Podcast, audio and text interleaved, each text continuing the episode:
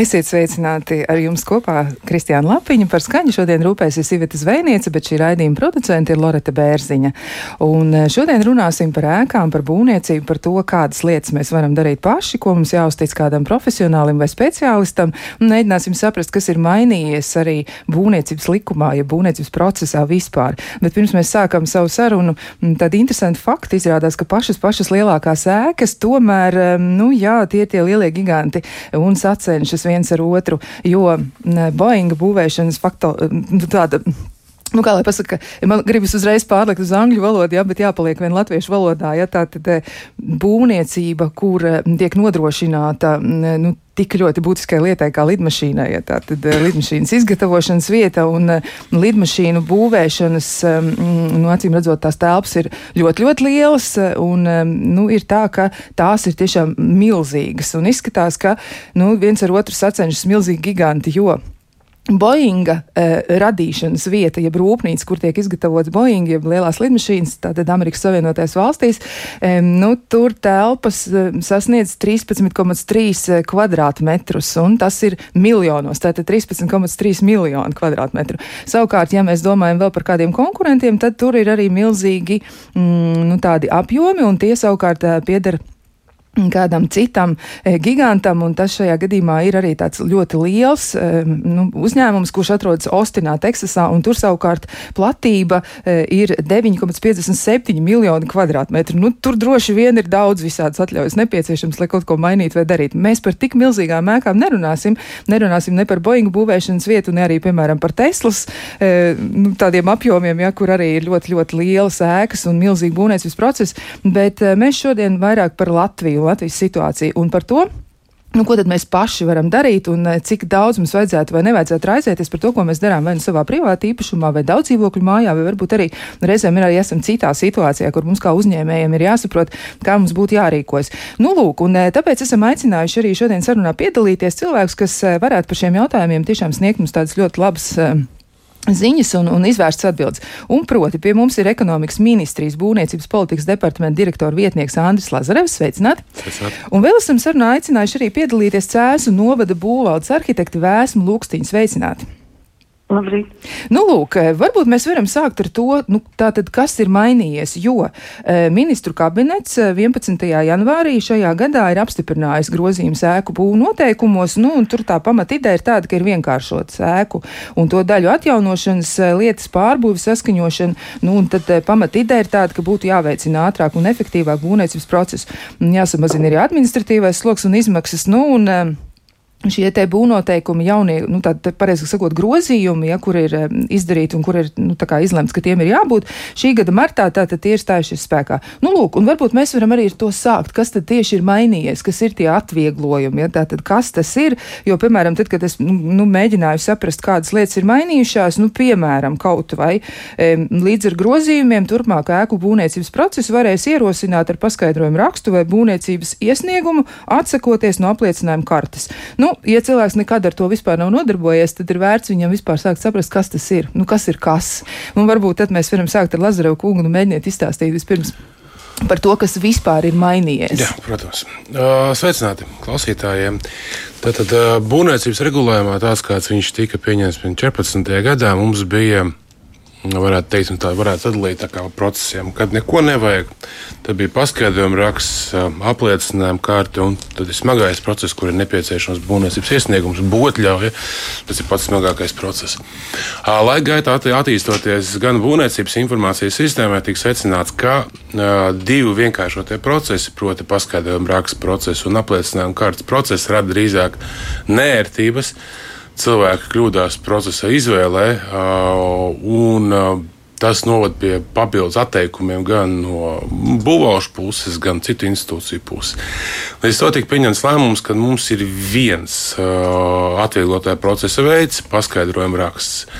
Viņš, uh, ko tas nozīmē paskaidrojuma raksts? Jūs iesniedzat aprakstu, iesniedzat papildus viņam pielikumus, varētu teikt, mazo būvprojektiņu, un būvvalde izskata saīsinātā termiņā, proti, desmit darba dienās. Jums ir akcepts, jūs paziņojat, kas tos darbus veiks, izpildat, izpildat darbus, un paskaidrojam rakstu otrādē, kas arī tiek izskatīts desmit dienās, un jūs varat pat izbūvlietot.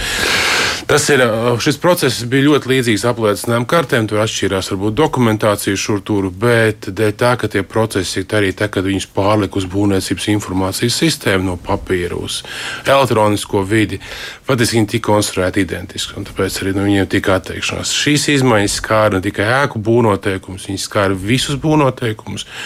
Un ir notikusi faktiski atteikšanās no procesa, kas nu, bija vairāk mulsinoši nekā labumu nesoši. Tas, kas parādās jauns no procesa veida, ir paziņošanas kārtība. Paziņošanas kārtība līdz šim no bijusi tikai vienīgi elektroenerģijas būvnoteikumos, kas agrāk bija, šobrīd ir, arī viņi ir atcelti, viņi ir apvienoti ar atsevišķiem inženieru būvnoteikumiem un paziņošanas kārtības. Tas nozīmē to, ka būvvalde tiek informēta. Būvvalde tiek informēta, lai būvvalde zinātu, kas notiek viņas teritorijā, lai nebūtu lieki jautājumi. Faktiski tas ir starposms starp neko nevajag.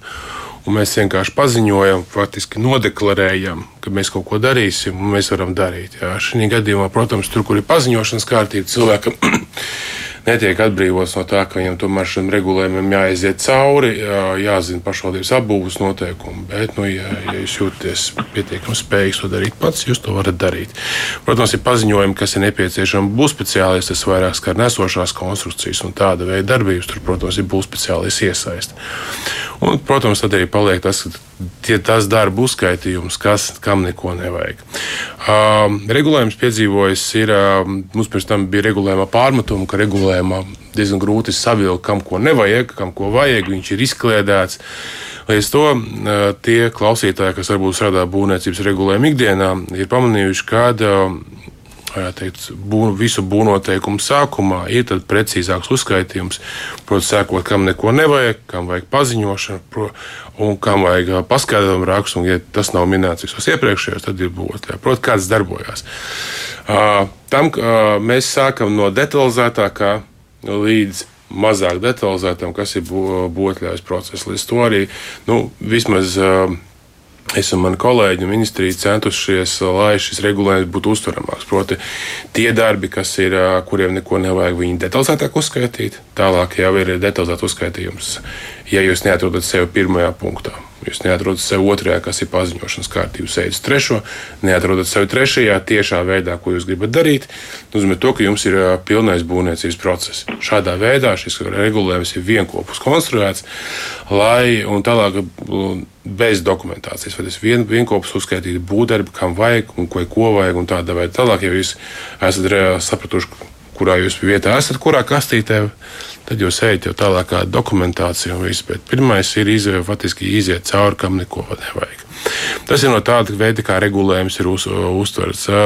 Regulējumā šobrīd, ja mēs skatāmies ar iepriekšējo, vairāk ir uz, uzsvars likts uz esošo ēku atjaunošanu. Jo mazāk ēka, jo tiek pieļauta arī šo ēku pārbūve Tas ir konstrukcija pastiprināšana, protams, nemainot apjomu. Tas ir faktiski nozīmē to, ka jo mazāk ēka, jo jums ir vienkāršāks process. Jo lielāka ēka, jo vai atrodas. Pieņemsim, tas ir kultūras piemineklis, jo jums ir smagāks process. Faktiski šis ir pamata princips, kā regulējums ir veidots. Šobrīd ir tas, kas ir regulējumā, pieņemsim, ir jumta krāsošana, nākusi klāt, ko agrāk bija būvēta bija jāskaņo, tas nav. Ir, um, pieņemsim, barotā uzstādīšana meža zemēs, tas bija kompromiss nu, kompromis rezultāts ar uh, mežsainiecības nozari, ka tas ir nepieciešams. Uh, ir uh, precizēts, ka visādu šķūnīšu palīgāku līdz 60 kvadrātmetru atjaunošanai, jebkādai atjaunošanai, tā skaitā uh, fasādes siltināšanai. kaut kāda iekšējai siltināšanai jums nevajag. Šeit gan uzsvars nemainot būvapjomu. Jums būvapjoms, zinām, mērā pie siltināšanas atkarībā no kā jūs viņu veicat. Jūs varat, pieņemsim, starp konstrukcijām iepūst vati, iepūst kaut kādu tādu materiālu, tas jums konstrukcija nemaina nekādas apjoms. Ja. Jūs varat no iekšas, nu, tas ir dažādi veidi, kā jūs kaut ko darat. Ja. Kā jau sākās, ja šūnīts kļūst lielāks, nu, vai nāk jūs piebūvējat, mainat kaut kādu konfigurāciju, tad jums var būt nepieciešama jau paziņošanas kārtību, kur jūs faktiski paziņojat.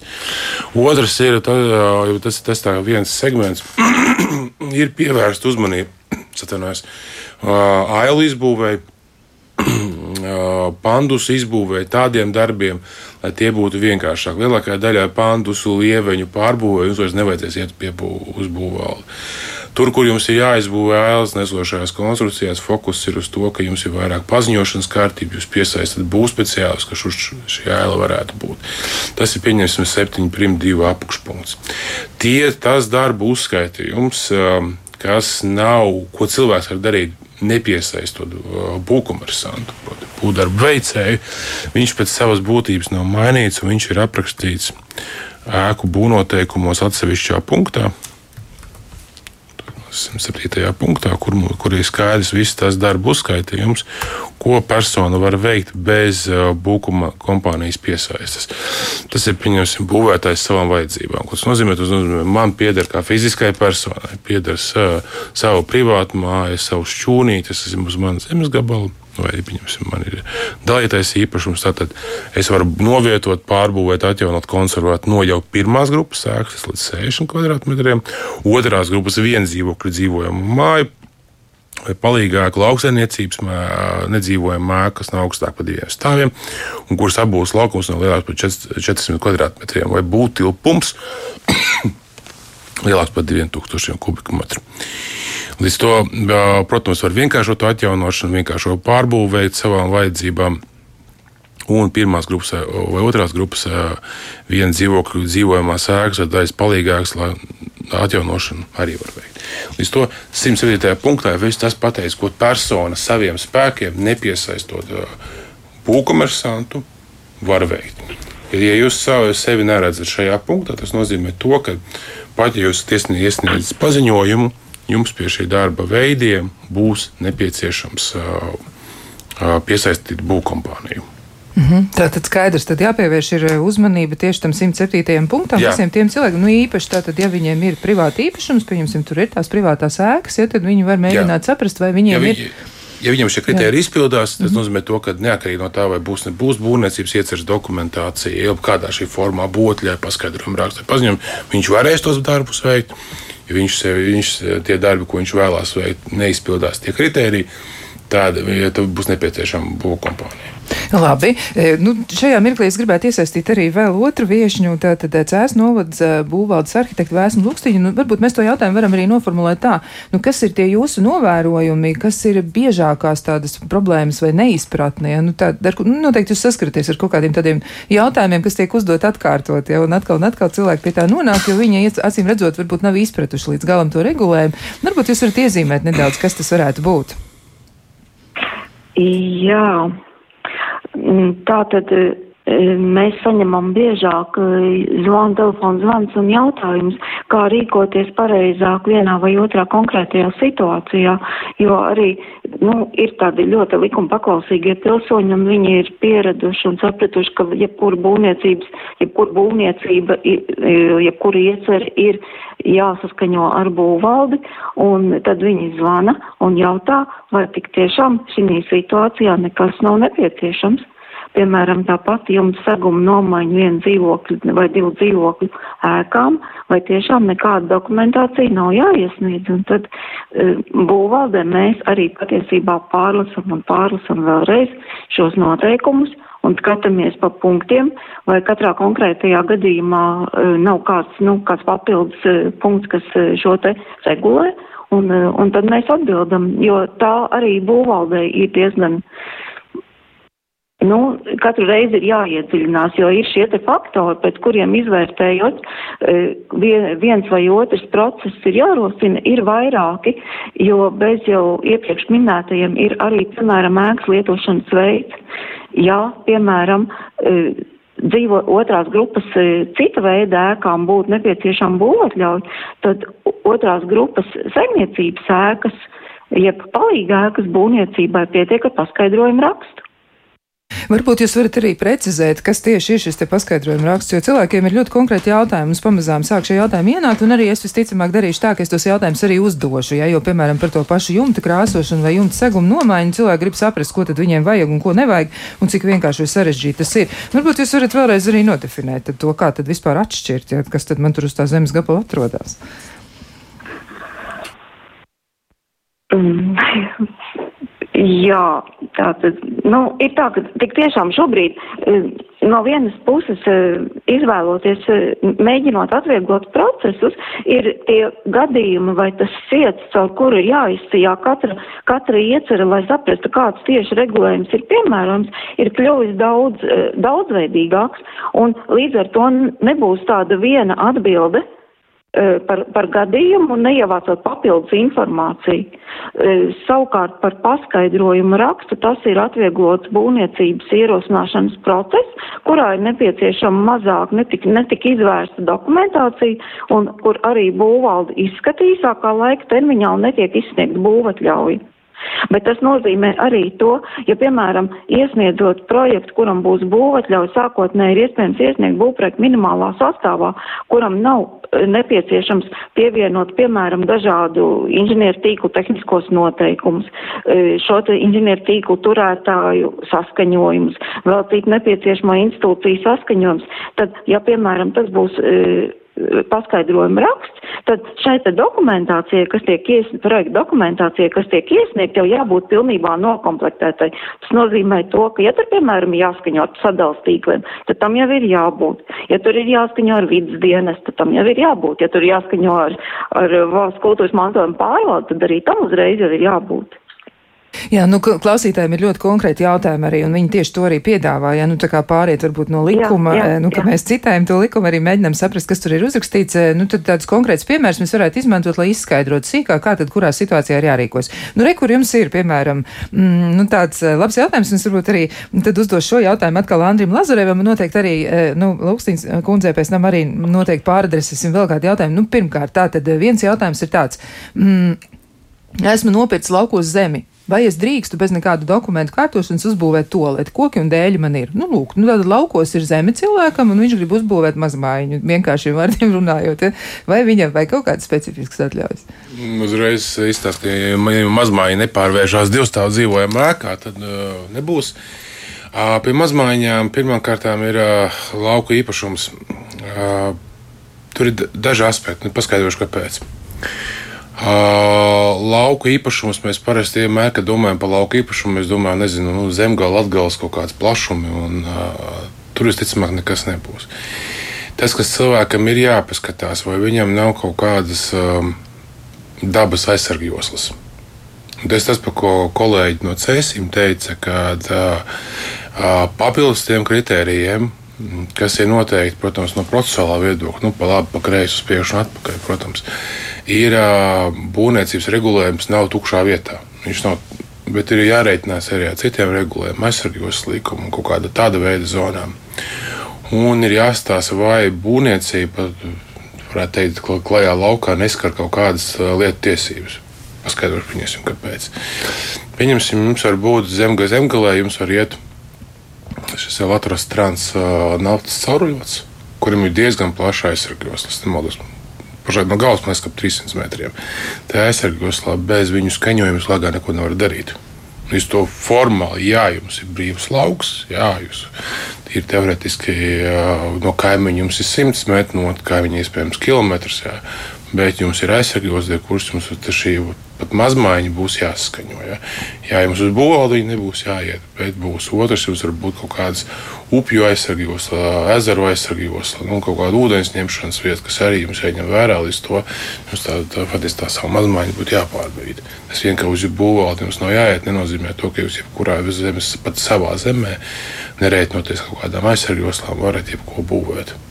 Nu, tā tad jāpārliecinās ir par to, ka tur nav kaut kādi specifiski aspekti, ja, kas jā. varētu šo zemi laukos padarīt par kaut kādu īpašu zemi. Nu, jā, nu, es vienkārši saprotu, tāpēc saku, ka nu, jāzina, kas ir zem zemes. Otrs jums ir drenu sistēma, no drenu sistēmas arī jāatkāpjas. Ir. Jūs nevarat uz drenāžas sistēmas taisīt nu, kaut kādus uh, izrakumus.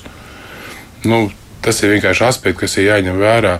Otrs ir, um, pieņemsim, jūs, jūs dzīvojat lidlauku tūmā. Jā. Tur ir vēl arī ierobežojumi, pat uh, lidlauku tūmā tagad koks nevar stādīt. Tur pie no nolaišanās, pacelšanās zonās. Salīdzinoši tālā, tālu no lidlauka.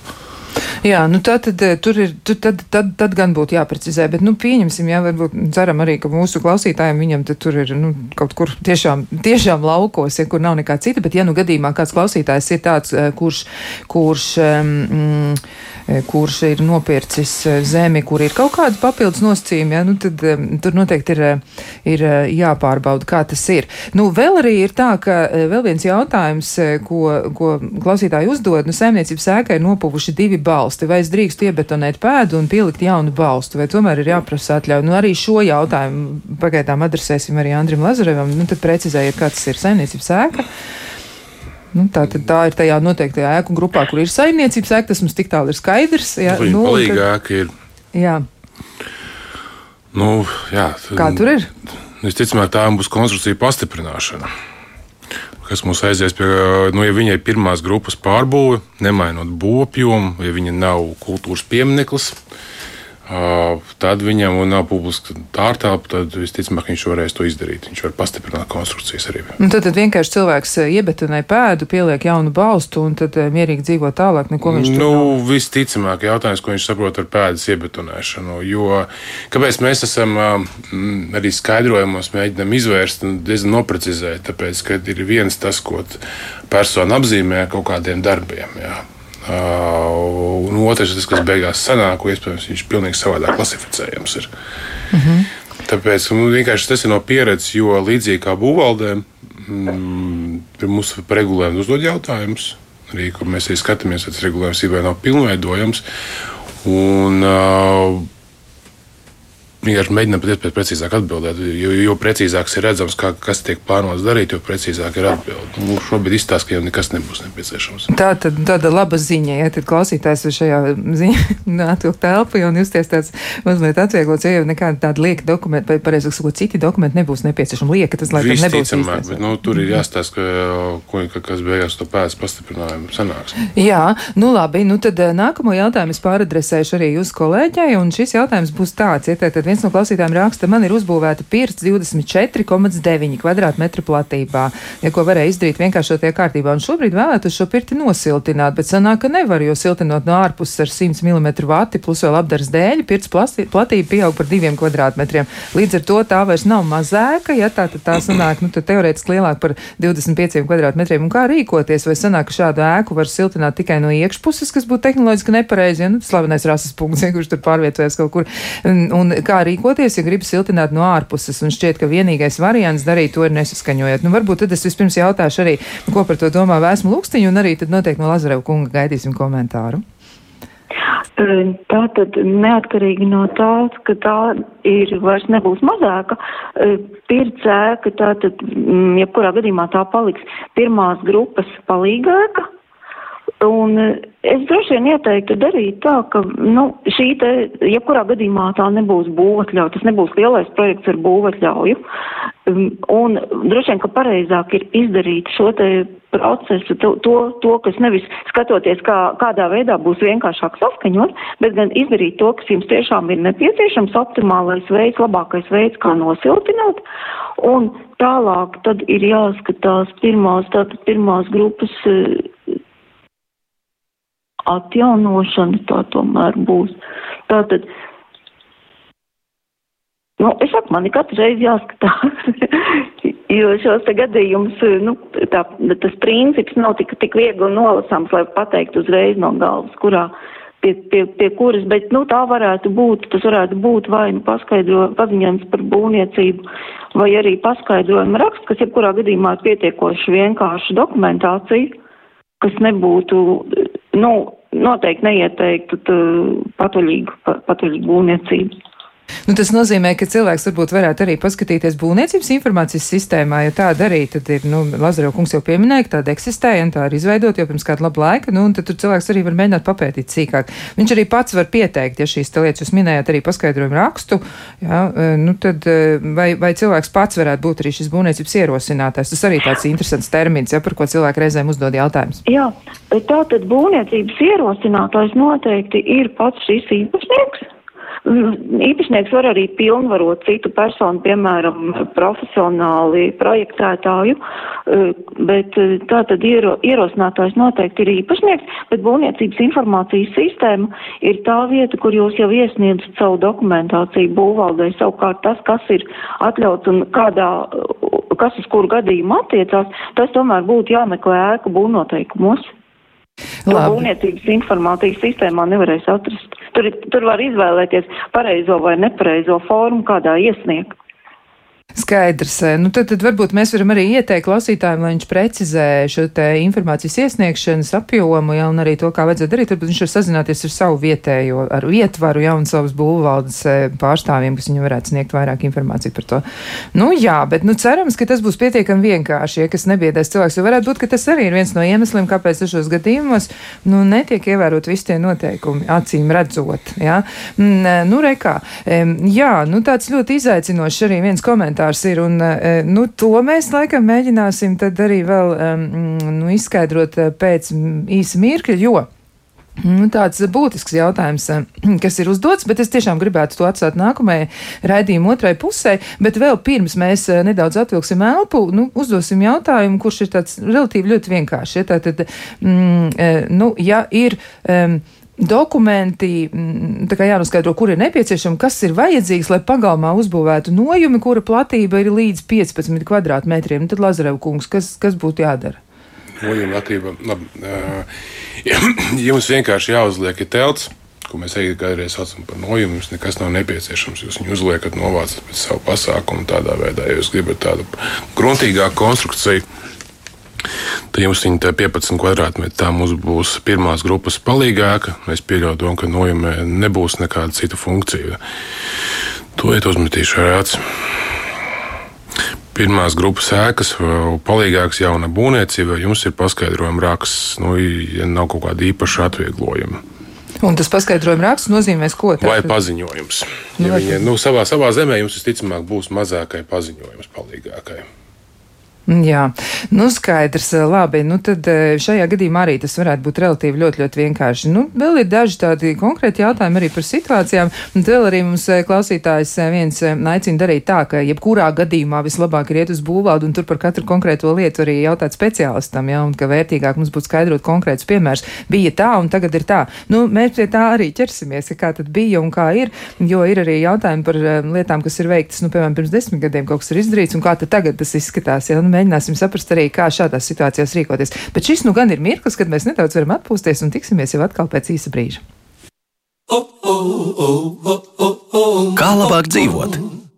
Turpinām sarunu par to, kā tikt galā ar būvniecības darbiem un kā orientēties situācijās, kuras nemaz nav, nu, nav tik vienkāršas un eh, kā neizdarīt kaut ko nepareizi. Jo noteikti ir arī tādas situācijas, kur ir jāpaļaujas uz profesionāļu palīdzību un eh, speciālistu iesaistu, un ir arī tātad, tādas situācijas, kur var m, mm, kaut ko izdarīt arī cilvēks pats. Nu, redz, kur ir arī tāds m, diezgan izaicinošs jautājums, un to es gribētu arī uzdot, un eh, noteikti arī varētu sagaidīt tādas izvērstākas atbildes uz šo visu, jo Mm, nu, ir tā, ka um, ir kaut kādas lietas, ko tiešām katrs nu, privāti mājas saimnieks, varbūt vai īpašnieks, vai arī cilvēks, kurš dzīvo mm, arī daudz dzīvokļu ēkā, nu, kādreiz ir kaut kas, ko viņš varētu uzsākt pats. Bet nu, tāds piemērs par paskaidrojumu rakstu, un tad nu, varbūt tas izklausās izaicinoši, bet tā nu, tas ir. Ja kā arhitekts par paskaidrojumu rakstu ņem sākot no 400 eiro un plus vēl pieliek pievienotās vērtības nodokli. Un arī par to nosaukumu ir tā ļoti, ļoti grūti cilvēkiem nu, saprast, ja kāds tad ir tas saturs par paskaidrojumu paskaidrojumu rakstu. Nu, varbūt, mēs varam aicināt arī arhitektu izteikties par to, kā tas ir, kuros gadījumos cilvēkam būtu nepieciešama tā palīdzība un kuros gadījumos nu, tas izklausās diezgan tā, nu, skārbi, maigi izsakoties. Eh, varbūt tad eh, Luksniņas kundze varētu komentēt šo visu. Jā, nu nezinot neko vairāk, ir diezgan grūti komentēt. Ja mēs skatāmies paskaidrojumu rakstus, arī tā tad ir varbūt situācijas, kad ir nepieciešama profesionāli iesaist, iesaist profesionāli speciālisti iesaist ir varbūt situācijas, kur tas nebūtu nepieciešams. Ja mēs skatāmies, piemēram, ja tā ir kaut vai pirmās grupas sēkas, jauna būvniecība, kur ir paredzēts, ka tikai tiek, tiek sagatavots tā, tāds skaidrošais apraksts, kas ir teksta, do, teksts. Nu, tur gan ir arī zināmā mērā nu, kaut kādas zināšanas nepieciešams, lai, lai to sagatavotu. Un savukārt grafiskā daļa ir ēkas novietojums uz situācijas plānā, kur ir dota piesaist, tas ir attālums līdz zemes gabala robežām, bet, protams, ņemot vērā iepriekš jau minētos apsvērumus par aizsargjoslām, par to, kur ēku drīkst, kur nedrīkst novietot, tad šī dokumentācija mm, atkārtoju vēlreiz pirmās grupas ēkām, tas ir nelielas ēkas līdz 60 kvadrātmetriem, tad šī dokumentācija būtu pietiekama vienkārša un to arī varētu būvniecības ierosinātājs, tātad zemes īpašnieks, topošās ēkas īpašnieks pats izstrādāt, sagatavot, un tad tas nebūtu maksas pakalpojums, bet, nu, arī vai, vai projektētājam vajadzētu, nu, tādu tik lielu summu par šādu darbu prasīt, tas, tas, tas nebūtu tā. Savukārt, ja mēs skatāmies, varbūt arī, e, kā paskaidrojuma raksti, gan apjomīgi projekti gan apjomīgas projektu dokumentācijas, kur eh, tiešām nosaukums it kā ir vienkārši, bet šī dokumentācija ir ļoti liela, un tad ar, varētu būt arī, ka tās summas veidojās lielākas. Nu, skaidrs, tā tad eh, dažādas situācijas varētu būt, bet nu, tad arī tad ļoti konkrēti jautājumi, kas iespējams daudziem eh, klausītājiem arī varētu uzreiz palīdzēt. Nu, piemēram, mm, par tiem desmit gadiem un par to, kas ir mainījies. Tātad divi jautājumi ir no viens klausītājs. Ja viņi gribētu saņemt atbildi, ko darīt, ja ir kaut kas izdarīts pirms desmit gadiem, varbūt Lazarev kungs varētu šito komentēt. Ja tā tad nav saskaņošanas dokumentu. Dzīvoklī istabas palielināšanai ir nojaukta loģija, no cim redzot, tad ir izdarīts kaut kas, lai mazliet tā telpa būtu lielāka, un dzīvoklī ir nojaukta un pārcelt uz koridoru puses siena, bet tā nav nesošā siena. Nu, tad, tad divas lietas ir izdarītas. Jā, loģijas, loģijas vairs nav, bet ir nu, tad, tad vieta vairāk, kur dzīvo cilvēkiem, un arī viņi ir pārvietojuši sienu, kas nav nesošā siena. Nu, kas tad tur tagad notiek? Kas ir mainījies? Tas pirms desmit gadiem ir izdarīts. Nu, tad var dzīvot mierīgi. Jeb nevar. Nu, sākšu to, ka vispār jānoskaidro, vai tā ir vai nav nes, nesošā siena, kas ir nojaukta. Jo tur, kur ir daudz dzīvokļu dzīvojama māja, uzreiz jārēķinās, kad šī legalizācija būs saskaņojama ar kopību. Un tur ir divi varianti. Ja jums ir daudz dzīvokļu dzīvojama māja, kas atdalīta dzīvokļu īpašumos no juridiskā aspekta, tad jums ir kopība, tas ir 50 plus 1. Jā, vismaz var būt gadījumi, kad tad pat vairāk ir, bet nu, pieņemsim, ka jums ir tas gadījums. Otrs ir, ja, ja tas ir klasiskais kopīpašums, tad jums ir simtprocentīgi cita persona piekrišana. Uh, un šis ir uh, mēs, viens no būtiskākajiem šķēršļiem. Tas mēs runājam par juridisko aspektu. Otrs, šiem darbiem būs vajadzīga tehniskā apsekošana, lai saprastu, kas tur notic. Vai nav, nav kaut kas jādara papildus. Jo nevienmēr cilvēki, tie, kas izdarījuši, ir spējuši, nu, pie sevis tas izdarīts pat arī novērtēt ietekmi uz pārējām konstrukcijām. Es to visu pieļauju domu, ka jūsu šāda veida darba legalizācija būs nepieciešams vismaz paskaidrojuma raksts. Legalizācija notiks jau pēc esošā regulējuma. Skaidrs, tad, tad arī tāda lieta mums ir jāzina. Nu, vēl arī tāda ļoti konkrēta jautājuma. Tur būtu jāpiesaista Jā. vismaz būvkonstruktors, kas iziet cauri, kas, kas tur ir noticis. Pēc, tur, kur ir starpsienas pārbīdītas, loģijas apvienotas, tas nevienmēr beidzās ar to, ka tas ir vienkāršotais process. Tur jāstāsta, kas tā pa sēriju veidā ēku bijusi, ir un dažādi aspekti.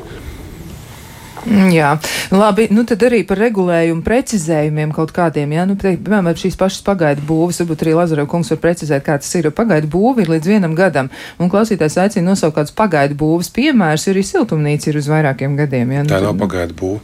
Pagaidu būve ir būve, kas nepieciešama būvdarbu veikšanai. Jūs pieļaujat domu, ka jūs domājat sezonas būvi.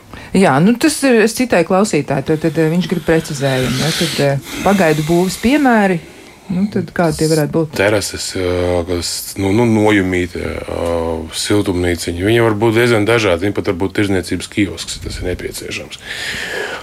Pie sezonas ēkām mums ir bijis pat pludmales zonā. Tā kā tāds restorāns pat ir bijis. Tas ir nu, dažādi izmanto šis variants. Tas ir faktiski sezonas ēku regulējums, ir radījies vispār bazē nozares pieprasījumu. Proti, kad ir kaut kādi lielāki pasākumi, ilgstošāki pasākumi, pieņemsim, kuri nepieciešams šāda veida objekts, ja cilvēkam viņš atmaksājās, nu, tad viņam ir faktiski šā, nu, viņš var izmantot šo iespēju. Labi. Skaidrs. Nu, tad nākamais jautājums ir arī no klausītājas, kas varētu arī būt tāds, kas varētu attiekties uz vairāk uh, cilvēkiem, ne tikai kā uz vienu, jā, nu tā tad varētu būt vēl arī citi, kas varētu interesēties par šādu situāciju. Tātad um, viņa raksta tā, ka manā īpašumā ir vecas mājas pamati, kurus nojaukt nav manos spēkos, un vēlētos tiem apkārt uzbūvēt koku šķūni vai nepieciešama būvetļauja. Un varbūt, šo jautājumu pārdrisēsim vēsmē Lukstiņai, varbūt jūs varat uh, komentēt, kā tas ir. Vecas mājas pamati un apkārt gribētu cilvēks uzbūvēt šķūni, vai viņ, tu, viņš var to darīt, un kas viņam tādā gadījumā ir nepieciešams pēc jaunā regulējuma regulējumu? Tā tad jautājums ir, vai, vai apkārt pamatiem tas nozīmē, ka pamati paliek iekšpusē un šķūnis tiek apbūvēts apkārt. Nu, jebkurā gadījumā, ja pamati tiek izmantoti, lai uz tiem kaut ko balstītu, atkal būtu nepieciešams tehniskais apsekojums. Savukārt šķūnis, nu, ja mēs tā skatāmies, šķūnis ir palīgēka, tā varētu būt pirmās vai otrās grupas palīgēka palīgēka atkarībā no lieluma, un tad tas varētu būt paskaidrojuma raksts. Bet, kā teicu, nu, kā, ja tā ir jauna būva, tas ir kā to nodefinē. Ja tā ir jauna būva, tad jā, tas būs paskaidrojuma raksts. Ja tā ir pārbūva, tas ir saprotot, ka te, šie te pamati tiek izmantoti, tad noteikti ir nepieciešams tehniskais apsakojums, un tad visdrīzāk arī tas varētu būt paskaidrojumu raksts vai atsevišķos gadījumos tas varētu būt arī būt būvprojekts. Tur jāskatās atkal. Man ir jāskatās, uzreiz nevar atbildēt. Bet tā tad tur ir variācijas iespējas atkal. Es vēl gribēju pie, piebilst par šīm te uh, sezonas būvēm, palīga ēkām. Es atradu ir vēl vispārējos būvnoteikumos, vispārīgajos būvnoteikumos pie definīcijām ir arī īslaicīgās lietošanas būvas. Tās ir būvas, kuru eksploatācijas laiks nav ilgāks par pieciem gadiem un kas jānojaus līdz minētā termiņa beigām. Tātad ir, ir arī šāda iespēja. Tā, tāda veida ēkas arī ir ar, ar laiku līdz pieciem gadiem. Skaidrs, labi, arī to tad mēs eh, fiksējam. Nu, vēl ir arī par to paskaidrojumu rakstu joprojām, ja cilvēki tomēr, eh, nu, grib precizēt šo, jo tas tiešām ir mainījies. Mainījies galvenokārt ir, tad, nu, tā kā ir atvieglota kārtība kaut kādām lietām, kuras varētu izdarīt vienkāršāk. Tas bija sarežģītāk, tagad tas ir vienkāršāk. Un tomēr, un tad viens no klausītājiem arī mums lūdz vēl precizēt nedaudz vairāk par to, kādu informāciju ietver paskaidrojumu raksts, ja, un, un vai to var izveidot arī cilvēks bez būvizglītības. Ja, nu, tad kā tad ir? Varbūt eh, šai gadījumā Lazarevkungs varētu precizēt. Nu, kā tad tas ir? Paskaidrojuma raksts, vai to var izveidot cilvēks? Kā mēs, Nav. kā mēs jau runājām, tātad uh, lielai daļai to darbu, ko persona pati var veikt bez būvkompānijas piesaistes, būvkomersanta. Viņa, ja tas ir paskaidrojuma raksts attiecībā uz pirmās grupas palīgāku, viņa arī pati šo paskaidrojumu rakstu var sagatavot. Un to arī kolēģi no cēsīm teica. Jautājums viss slēpjas tajā, ko persona grib darīt.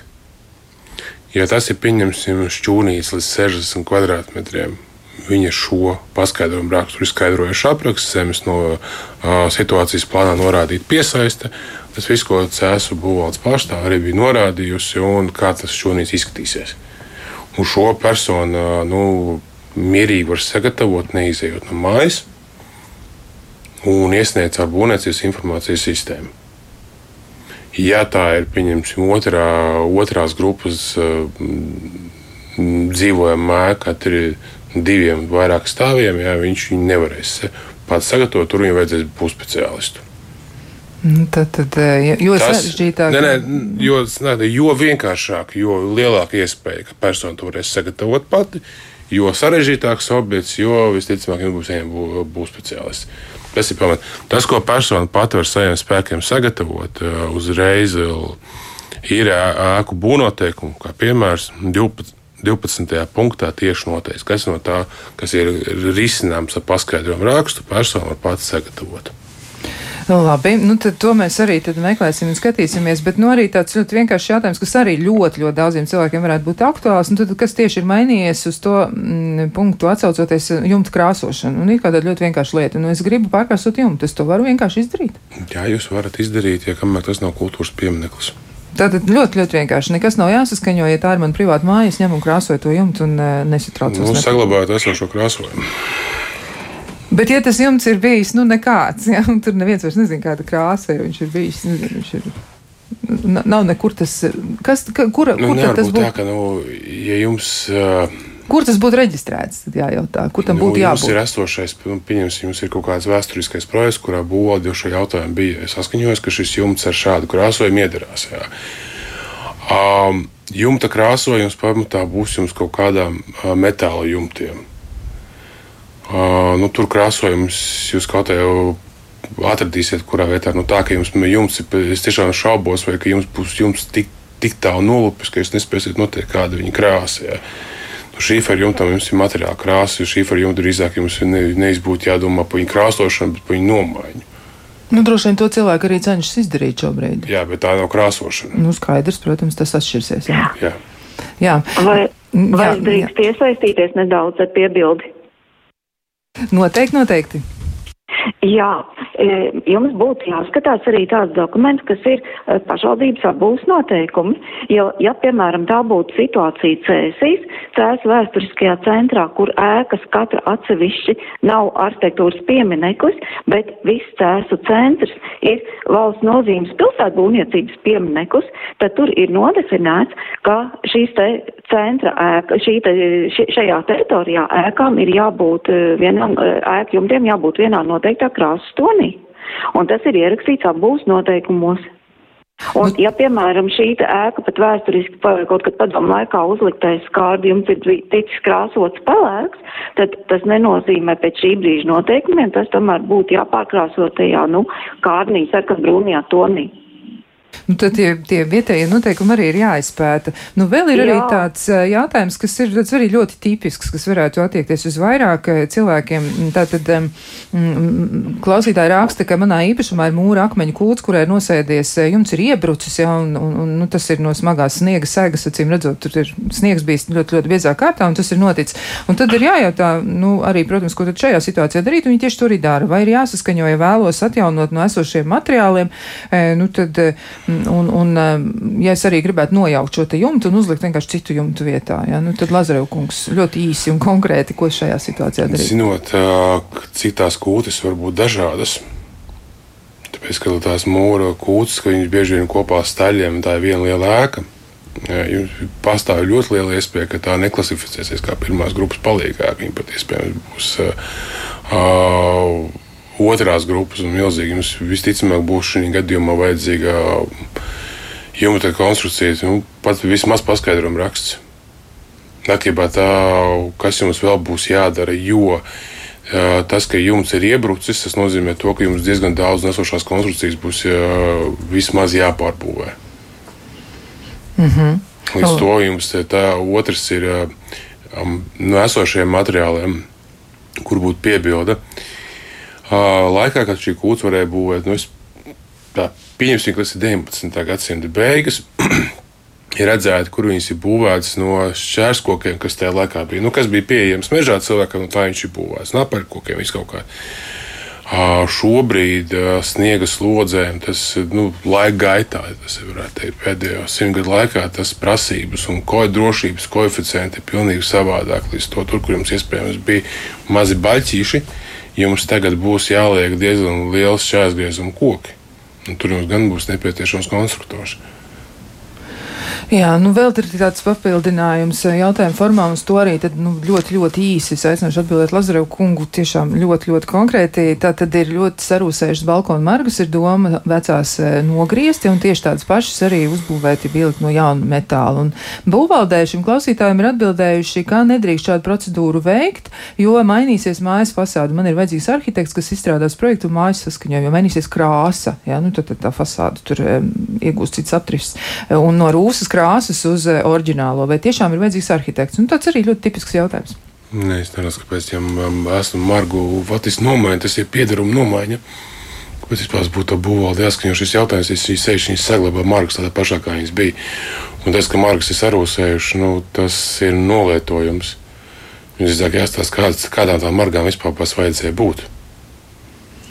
Jā, tā tad nevajadzētu tik ļoti sarežģītām Mm, lietām būt. Tas, kas pie regulējuma piemērošanas jāsaprot, ir viens no aspektiem, ir nu, regulējums, tas ir kompromisu ceļā radies labākais kompromiss, kāds ir uz konkrēto brīdi. Mums ir bijušas situācijas, un kā, kā, kāpēc mēs arī aicinām pirmkārt vai nu pie būvvaldes lūgt skaidrojumu, vai arī pie tā, ekonomikas ministrija var lūgt skaidrojumu.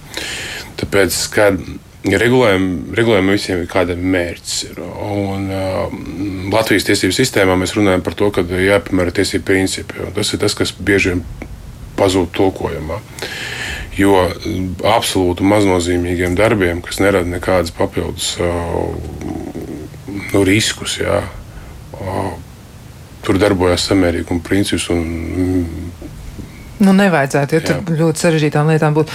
Nu, tiešām... ja mums ir bijuši jautājumi par margu krāsošanu, vai um, virsdēju nomaiņu uz margām. Jā, un, uh, mēs pat teicām, ka tur nekāda nu, nesamērīgi prasīt kādu dokumentāciju. Jā, nu, tiešām klausītājiem ir ļoti daudz dažādu jautājumu, arī dažāda atsaucība un, un arī atsauksmes par šo, ja, jo ir tā, ka ir klausītāji, kas ir ļoti skarbi un tieši un saka, ka tas ir ļoti vispārīgi un nekonkrēti, tas, ko mēs runājam. Ir arī tādi, kas saka paldies par to, ka tiešām kaut kas ir kļuvis skaidrāks un arī ir izdevies atrast kādu, nu, vismaz um, virzienu, kur tad iet tālāk un kā, kā šis, šos jautājumus risināt. Nu, izskatās, ka laikam tomēr vislabākā versija ir tāda, ka cilvēks vēršas pie savas būvvaldes vai arī pie. Tas pamatā cilvēkam būtu jāvēršas pie savas būvvaldes, otrs ir kaut kāds e, netipisks gadījums, nestandarta gadījums, jā, mazums e, komunikācijā ar būvvaldi. Nezinu, sākam liekas, ka nav vedusies pietiekami labi. Protams, uzdot jautājumu ar ekonomikas ministrijai par tiešo. Par tiešo tātad mēs varam to darīt. Ja? Jā, protams, tas ir normāls process. Nu, ļoti jauki. Tad to mēs arī izmantosim šo iespēju. Un tiešām mēs ierosinājuši sarunu esam. Varbūt, ka tas liekas sākotnēji tā ļoti, ļoti liels, liels apjoms, kas būtu jāaptver. Un uz visām situācijām, protams, mēs tūlītēji arī nu, uz jautājumiem arī nevaram atbildēt. Bet nu, ir skaidrs, tas, ka regulējums tiešām ir mainījies. Ir jāpievērš uzmanība daudzām lietām. Šis tas ir kļuvis vieglāk, un šis tas varbūt ir palicis tā, kā ir bijis iepriekš. Bet tā tad tiešām labā ziņa arī ir tā. Ja nu galīgi neveicas ar būvvaldi vienoties par eh, risinājumu, tad noteikti arī precizējuši jautājumus uzdodam ekonomikas ministrijai. Paldies eh, ekonomikas ministrijas būvniecības politikas departamenta direktora vietniekam Andrim Lazarevam un arī liels paldies Cēsu novada būvvaldes arhitektei Vēsmē Lūkstiņai. Droši vien šo tematu mēs turpināsim, mēģināsim būt aizvien konkrētāk un precīzāk, un tad jau arī mm, skatīsimies, kādas risinājumus vēl varam atrast eh, reizēm pat ļoti sarežģītām situācijām. Lai nu izdodas, un lai izdodas jums arī atrisināt savus jautājumus, un eh, tad jau tiksimies atkal kādu citu reizi, lai jums tiešām izdevusies diena.